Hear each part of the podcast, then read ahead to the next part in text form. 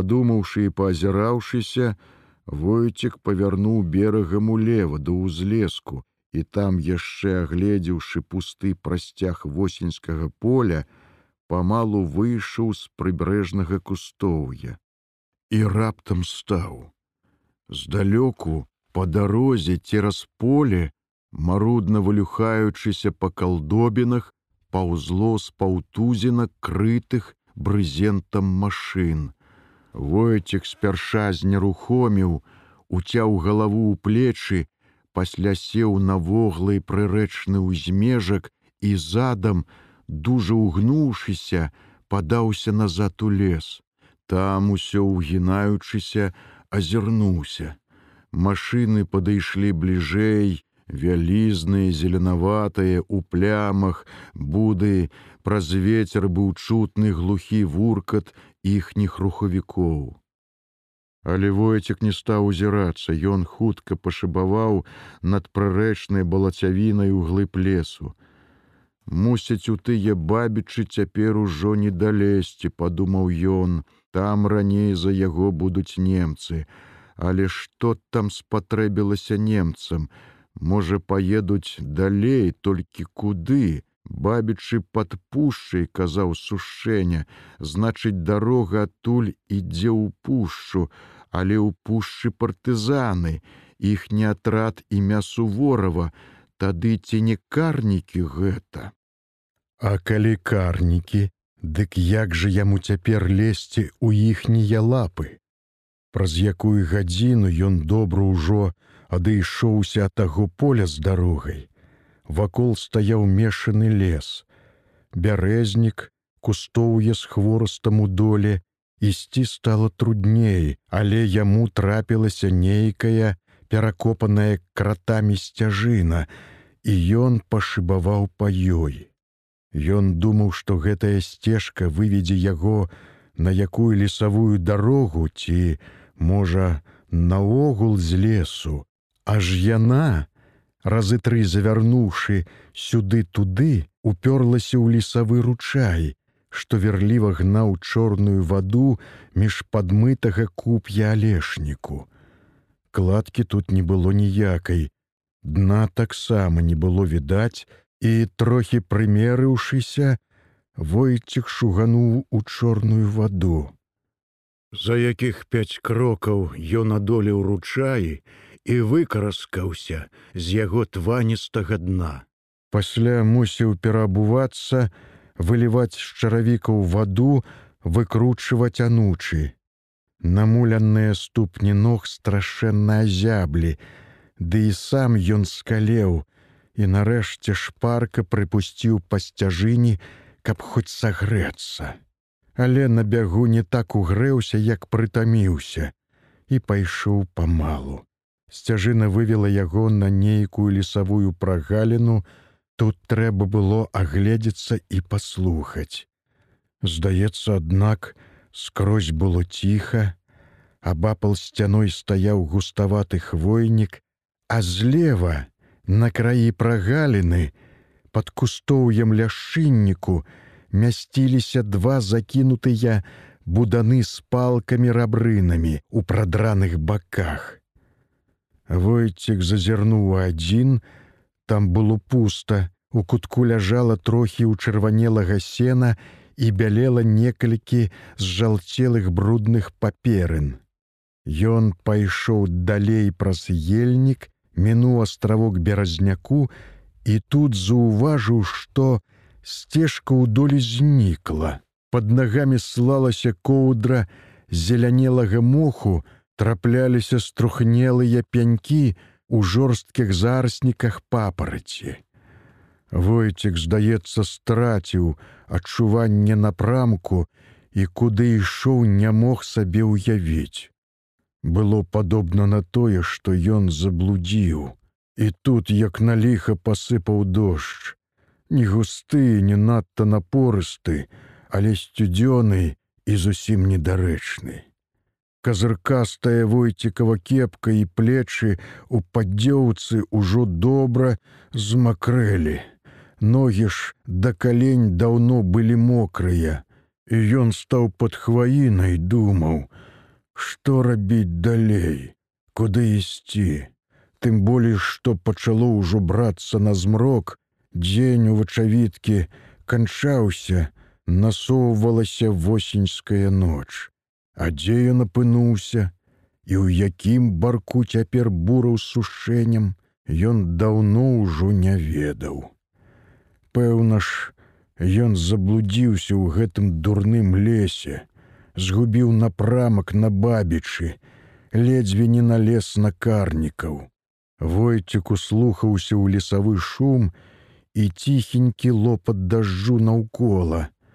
Стрэлаў ці голасу быццам нідзе не было чуваць. Але лепш бы пачуць стрэлы, каб ведаць, дзе вораг і небяспека, чым так вось кідацца па заечы ў глухім, незнаёмым лесе. А можа і не трэба кідацца, тым больш напроці ўначы, а пайсці назад ды знайсці ту самую сцежку. Усё ж сцежка павінна кудысь вывесці, можа да якой ціхай вёскі, людзей і жытла. Разважыўшы так і адчуўшы, што пачынае нервавацца ад сваёй няўдачы, Войцік хуткім крокам пашыбаваў назад ад недалёкай прагаліны. Тым часам дождж пасыпаў гусцей, аднекуль з-пад хвоі прарываўся настырны нізавы ветер і не было дзе ад яго захінуцца. На прагаліне войцек яшчэ зазірнуў буданы. Адзін з іх добра абкладзены збоку хваёвымі лапкамі, быў трохі палепшы і войцік неяк не ўлад са сваімі намерамі прыгнуўся ды і сунуўся туды на кукішках.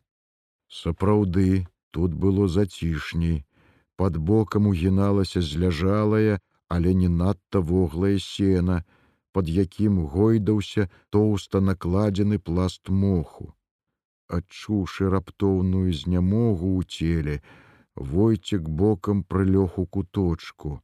Ён не меў намеру тут начаваць, хіба спачыць трошки, можа перачакаць дождж. Зноў жа, трэба было абдумаць, куды кіраваць далей. Ці можа пачакаць ужо да ранку. Ранкам заўжды лепш пачынаць усякую справу. Раніцай яшчэ ў першую квадру месяца, на маладзік, як некалі казала маці.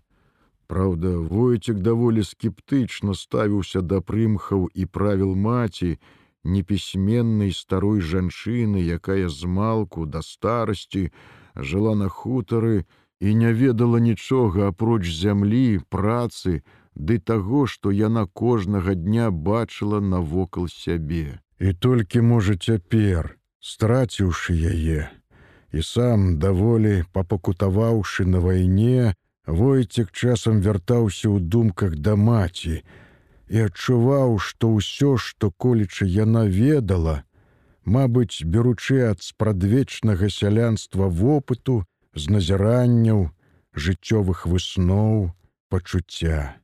На жаль, яе неадмысловыя веды мала стасаваліся да гэтага трывожнага веку. Тут ужо, пэўна, трэба былі веды іншага складу іншыя маральныя меркі. Са старымі меркамі ў новы час яўна чакала нявыкрутка. Ветраны пошум лесу зліваўся ў адно з дробным ляскатам дажджу, які добра такі разышоўся на склоне дня. Побач з хвойных галін дробненька капала долу.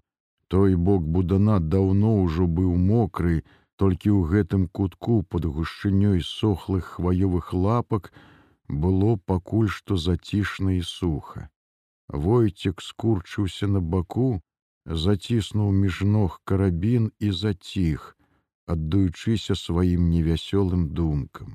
Дужа хацелася есці, але з учарашняга дня ў ягоных кішэнях не было ні скарынкі, апошні кавалак хлеба зжаваў, як ехалі сюды з буравым. У жываце даўно галодна бурчэла, стома ўсё болей апаноўвала цела. Канешне, увесь дзень сёння за імі хадзілі няўдачы, Усё яны рабілі не так, як трэба было. Цяпер ён яшчэ недарэчна заблудзіўся у гэтым лесе, а недзе ў хвойніку яго марна чакаюць бураў, калі яшчэ чакае, ды той сушэння. Калі ўжо на добры розум, дык па каня трэба было паслаць менавіта сушэню, той лепей ведаў, дзе тут якая вёска, але як было даверыцца гэтаму сушэнню. Яшчэ прывёў бы паліцаяў, і тыя ўзялі б абодвух як зайчанят у хвойніку. Таму пайшоў сам, думаў так будзе лепш. Ды лепш не атрымалася. Ну, але, мабыць, ранкам ён што-небудзь прыдумае. Прыдумаць, што здатнае ён умеў змалку, людзі казалі, што быў галавасты. Іншая справа, што войцеку часам не хапала цвёрдасці, мужчынскай упэўненасці, але тут ужо не яго віна. Мусіць, такім нарадзіўся, і ён ведаў гэта даўно, зайздросціў іншым цвёрдым і рашучым не такім, як сам бывала заўжды з захапленнем пазіраў на некаторых кіраўнікоў у раёне, надзеленых сталёвым характарам і хлёсткай рашучасцю у адносінах да тлумных турботных спраў, сваіх падначаленых ды да і простых людзей таксама. Сам так не ўмеў, не валодаў такімі здольнасцямі.